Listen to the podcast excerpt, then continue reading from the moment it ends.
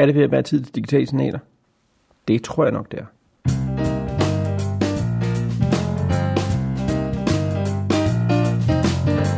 Du lytter til den 52. episode af Digitale Signaler, Semiosis formidlingspodcast om læring og kommunikation og markedsføring og gadgets og alt muligt andet i en digital tidsalder. I denne her uge, der er der som sædvanligt nogle nyheder, og så ser vi lidt nærmere på musik,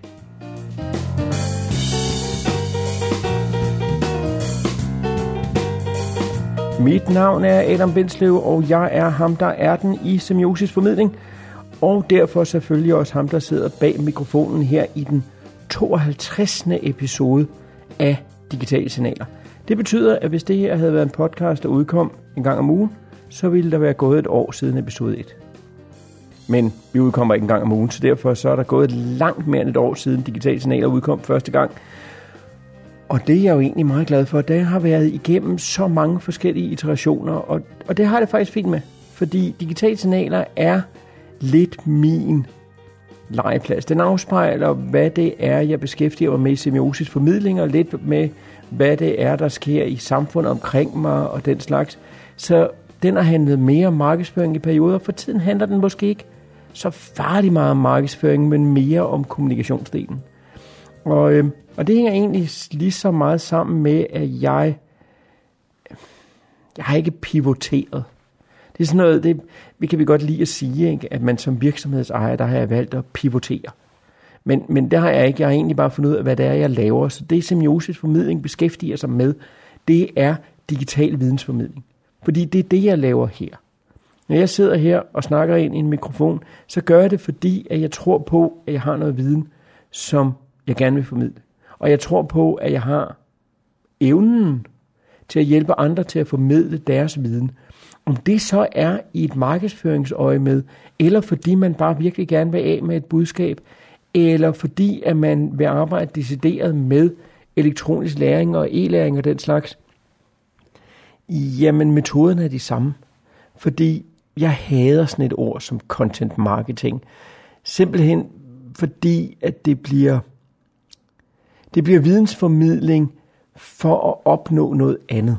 Og jeg tror på, at hvis vi virkelig skal formidle viden til andre mennesker, så skal det være fordi, vi har lyst til at formidle viden til dem. Og det er det, jeg forsøger at, at gøre her. Og, øh, og før vi lige om lidt tager nogle nyheder, så selvfølgelig også lige det sædvanlige blok. Hvis du synes, det her det er interessant, men du måske også interesserer dig for fotografi og visuel kommunikation, så husk lige, at der også findes en podcast, der hedder Fotografiske Signaler. Den er ikke nær så gammel som den her.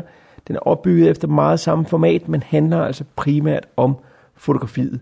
Så giv os den chance, og smut også lige over og få fat på Samdata-podcasten, fordi øh, den laver jeg sammen med Jeppe Engel og Anders Høgh Nissen, og hvis jeg skal sige det selv, så er det en djævels god podcast.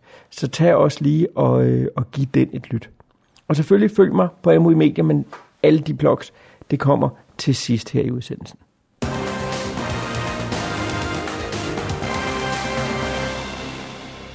Og så nogle nyheder, og det første det kommer fra Facebook, som for en gang skyld ikke handler så meget om markedsføring. Fordi de har nu lanceret muligheden for social læring i grupperne. Det er en mulighed, der blev rullet ud i, øh, i den amerikanske udgave for noget tid tilbage. Og den er garanteret også, hvis man kender Facebooks udrulningsmønstre, ikke rullet ud overalt. Men det er nu muligt at tage en gruppe, ikke en side, ikke en profil, men en gruppe, og lave om til en social læringsgruppe. Og hvad betyder det så? Det betyder, at der kommer en ny fane. Og hvad mener jeg med fane? Der kommer et nyt punkt ude i menuen til venstre, hvis man ser det på desktoppen, som hedder moduler. Eller hvis man har den engelske udgave, hedder det units. Og der, der kan man lægge indhold op, hvor man styrer rækkefølgen på det. Så alting ikke er kronologisk. Det kan altså bryde kronologien i en Facebook-gruppe. Hvilket gør det muligt sådan set at lave små læringselementer, hvor folk skal gennemgå noget i en bestemt rækkefølge og kan kommentere undervejs og den slags. Så vi begynder at nærme os noget, som er LMS-lignende, altså Learning Management System-lignende. Hvilket er en fin idé, fordi jeg kender rigtig mange, som bruger Facebook som LMS, uden at have de her muligheder, men simpelthen bare lever med, at feedet er kronologisk. Men, men der er så også nogle, nogle begrænsninger her, og, og Facebook kan jo hele tiden ændre sig, og det er egentlig det, der er meget godt, men det virker lidt halvbagt det her. Fordi der er især, og jeg har jo skrevet en artikel om det inde på Digitale Signaler, der er en feature, som virkelig, virkelig mangler. Nemlig at, hvis jeg nu forestiller mig, jeg har et, et hold i digital fotografi, eller jeg har et hold i, øh, i ledelse, og jeg så har lavet en række moduler, og jeg lukker holdet ind i den her gruppe, og øh, har lavet en lukket gruppe, hvor de kan diskutere og lære og se video og, og, og skrive kommentarer og alt sådan noget, og jeg så skal starte et hold til, så ville det godt nok være smart, hvis Facebook havde en knap, der hed kopier gruppe, og kunne tage de moduler, jeg havde opbygget, og smide over i en tom gruppe, så jeg kunne invitere et nyt hold indenfor. Men det kan jeg ikke. Jeg skal altså opbygge fra bunden hver eneste gang. Og det er sådan en feature, som alle andre LMS'er i verden har. Så hvis Facebook mener det er alvorligt, så er det nok noget, de skal have gjort noget ved. Vi rykker over til Skype, som ruller nogle af de nyheder ud, som de havde lovet kom. Og nu er privat samtale blevet lanceret. Den er en lille smule gemt, for man skal gå op i Skype-appen og trykke ny, og så kan man være i privat samtale.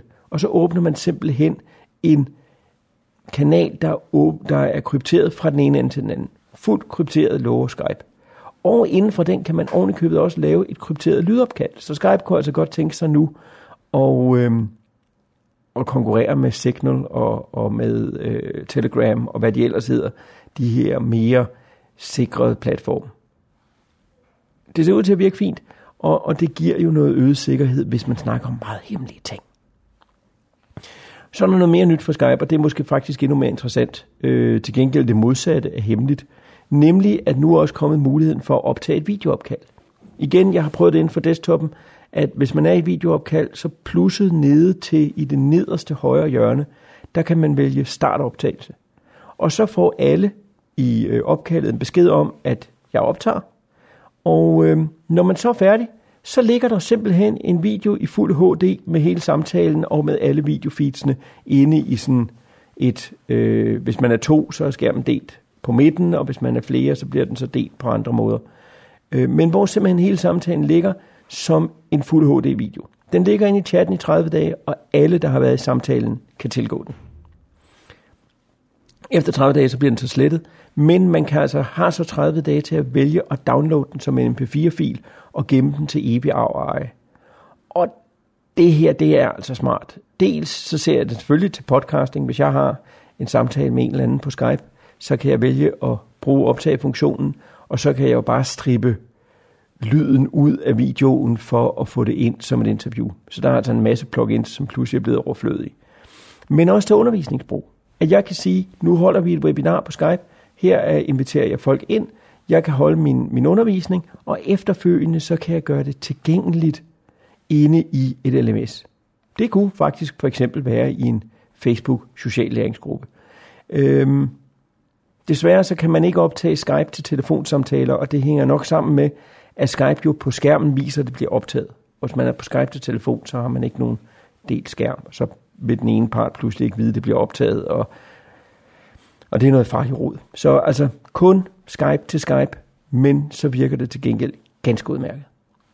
Og her til sidst, den sidste nyhed er, at Instagram har åbnet op for, at alle, også nogle helt normale mennesker, kan anmode om at blive verificeret at få det der blå tjekmærke, som viser, at man er et rigtigt menneske.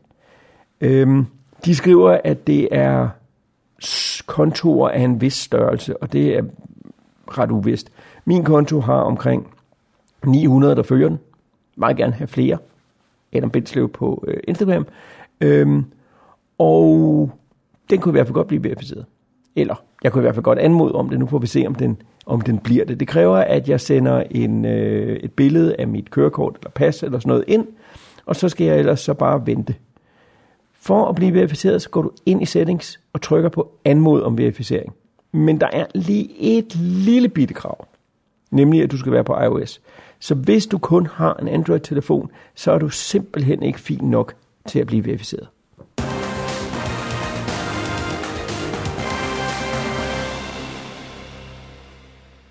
Og så lovede jeg jo i indledningen, at denne gang, der skulle det handle lidt om musik. Og det hænger sammen med denne her uges helt store nyhed på IT-fronten, nemlig at YouTube Music Premium og YouTube Premium er blevet rullet ud. Og øh, i sig selv, der kunne det selvfølgelig bare have været i nyhedssektionen, men jeg tænkte, at jeg bruge tiden på at bruge lidt længere tid på at snakke om musiktjenester sådan mere generelt. Fordi det er altså et sært, sært marked, det der. Øhm, alle nyhedsmedier har lavet som om, at YouTube Music er første gang Google kommer med en musiktjeneste.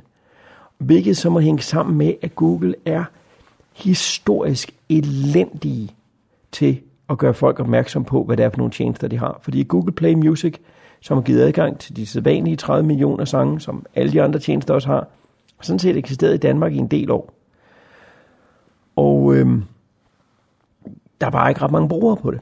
Så nu har de valgt at rebrande det, og det her er sket for nogle måneder siden i USA, men nu rullet ud til Danmark. At man tager simpelthen og laver en ny tjeneste, der hedder YouTube Music og Music Premium, hvor at man kombinerer de 30 millioner sange, som er i Google Play Music, med al den musik, der er på YouTube, og så binder det sammen i muligheden for at lave en abonnementsordning på det. Øhm, og det geniale i det, efter min mening, er jo så, at vi faktisk får muligheden for også at tilgå alle de ting, som bare ligger på YouTube, men som ikke er en del af de der 30 millioner sange. Alle de der obskure liveoptagelser og alt muligt andet underligt, og mixes og, og den slags, som ligger på YouTube. Det gør selvfølgelig også, at det bliver sådan lidt hit og miss, hvad man finder, men min oplevelse her ved at have prøvet det igennem, er egentlig, at brugerinterfacet er ret godt, og man er ikke i tvivl om, hvorvidt man vælger noget, der kommer fra en plade, eller man vælger en video, som er uploadet. At tingene bliver ikke blandet mere sammen, end som så. Øhm, og det de så gør, YouTube Music, den er gratis. Øh, der kan man høre alle de sange, man gider. Man kan bare ikke slukke sin telefonskærm. Og man kan ikke lave noget andet på telefonen, så den kan ikke køre i baggrunden på nogen måde. Den kan køre på webben, og øh, også her kan man ikke slukke for telefonskærmen og alt det der, men til gengæld så kommer der så en reklame i ny og næ. Men der er faktisk mulighed for helt gratis at tilgå alle de her 30 millioner sange. Øh, og på den måde en direkte konkurrent til, til Spotify. Øh, på webben og på telefonen, ja, altså det er jo ikke rigtig rationelt at gå rundt hele tiden med sin telefonskærm tændt, og ikke kunne bruge telefonen andet til andet, hvis man hører musik. Men hvis man er sådan en, der bruger sin telefon til at have liggende ved siden af computeren med et headset på og høre musik, så kan man faktisk godt slippe afsted med gratisudgaven. Hvis man betaler for premium, så først og fremmest så slipper man for reklamerne. Man får muligheden for at køre appen i baggrunden, og så får man muligheden for at downloade musik til offline brug, sådan at hvis man sidder i et fly, eller bare et sted, hvor der ikke er, er så, øh, så meget forbindelse, så kan man gøre det af den vej. Når man sammenligner det her med de andre tjenester, det er der, hvor det her streamingmarked bliver enormt interessant, fordi konkurrenceparametrene er så utrolig små. Altså, øh, priserne er de samme. Hos Apple Music, hos Spotify, hos øh, garanteret også hos Deezer og også hos YouTube Music Premium. Det koster 99 kroner om måneden. Et familieabonnement har de også fået, det har ikke været lanceret i Danmark tidligere, kan man få for 149 kroner. Præcis det samme som hos konkurrenterne. Og det er mere eller mindre de samme 30 millioner sange. Så, så, så som markedet betragtet er det her enormt interessant, fordi det, det stort set er konkurrenceløst. At, at vi altså har de her forskellige tjenester, som skal konkurrere på nogle sådan små, særlige features af, af forskellige art. Og hos YouTube ser jeg helt klart, at tilgangen til videoerne selvfølgelig er den helt store konkurrenceparameter. Hos Google Play Music, og her bliver det sådan en lille smule indviklet, fordi Google Play Music får man nemlig også oven i hatten, når man har YouTube Music Premium. Det hænger i virkeligheden sammen med, at Google har lovet, at de tager alle features fra Google Play Music og lægger ind i YouTube Music Premium, men da de ikke har gjort det endnu, så har man altså to tjenester. Det er så Google-agtigt at have to tjenester, ligesom de har 26.000 forskellige messaging-apps. Men, men der er to tjenester. Der er én ting, som Google Play Music altid har kunne, og som de har haft for sig selv, nemlig at man kan uploade sine egne MP3-filer. Så hvis der er et eller andet album, et eller andet avantgarde musiker, som jeg har øh, købt en CD med til vedkommendes koncert, så kan jeg ikke nødvendigvis finde den inde i blandt de der sædvanlige 30 millioner sange. men så kan jeg tage den, og jeg kan rippe den, og jeg kan uploade den, så jeg har adgang til den. Og det kan man i Google Play Music. Kan man forhåbentlig også snart i YouTube Music Premium, sådan at vi på den måde får den feature med. Fordi det ser jeg i hvert fald for sådan nogen som mig, der hører underlig musik, som en af de helt store konkurrenceparametre. Og så har YouTube Music Premium en yderligere fordel, nemlig at hvis man betaler lidt ekstra, 20 kroner ekstra om måneden for, øh, for et enkelt abonnement, eller 30 kroner for et familieabonnement, så bliver det til YouTube Premium, hvilket giver mig YouTube Music Premium, men også fjerner hver eneste reklame på min almindelige YouTube. Ikke flere reklamer, og oven i købet adgang til det der eksklusive indhold, som for eksempel Cobra Kai-serien og den slags. Og det er altså et godt tilbud. Så nu bliver det ret spændende, fordi det her det bliver, sådan, det bliver den store markedsføringsøvelse for YouTube. Åbenbart har Google ikke noget særligt godt brand, når det kommer til den slags. Google Play Music blev ikke nogen succes. Google Plus, som ellers har et ret fremragende socialt medie, må sige sikkert være blevet noget stor succes. Men YouTube har et brand. Og tilbyder her noget fuldstændig unikt. Det sjove er bare, at det som denne her virksomhed, Google, der lever af at sælge reklamer, det er deres absolut primære reklameindtægt, er det som de tilbyder, det er, at jeg kan blive fri for at se reklamer, hvis jeg betaler. Så enten tjener de penge på at vise reklamer, eller også tjener de penge på, at jeg bliver fri for det. Hvordan annoncørerne har det med det, fordi det gør reelt set, og det må vi jo se, hvordan det, det udvikler sig. Reelt set så gør det, at folk, som har en penge nok, de ikke længere får vist reklamer på YouTube. Og et eller andet sted, hvis, især hvis jeg var sådan en, der skulle reklamere for noget musikrelateret, så havde jeg tænkt, det er en lille bit smule irriterende, at dem, jeg virkelig gerne vil i kontakt med, de sådan set har betalt for at slippe for at se på mit budskab. Der er ikke øh, noget, nogen, der ved endnu, hvordan det her det ender. Men i hvert fald, der er kommet en ny spiller på markedet. Det er muligt at gå ind på YouTube Music Premium, music.youtube.com, og starte et gratis 3 måneders prøveabonnement og teste af. Og altså min erfaring indtil videre har været, det er sgu egentlig ret fedt. Så, øhm, så velkommen til endnu en konkurrent på det her marked for musiktjenester. Nu må der snart være noget til enhver smag. Og det var digitale signaler på den her omgang, som altså primært kom til at handle om musikken, men i virkeligheden brugte også ret lang tid på nyhederne. Ikke? Hvis du synes, at det her det var fedt, så tag og gå ind og, øh, og følg mig.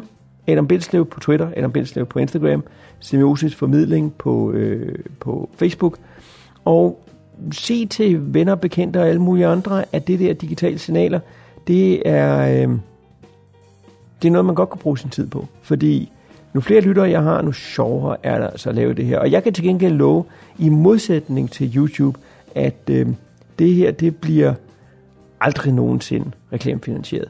At her, der bliver jeg ved med at køre. Det eneste, jeg reklamerer for, det er altså mig selv. Hvis du har forslag til et emne, så tag og send mig en, øh, en besked. Og indtil da, så øh, håber jeg, at du har det rigtig, rigtig godt. Jeg glæder mig til at tale til dig igen om ja, en uges tid, når der er fotografiske signaler i næste uge. Vi ses. Hej hej.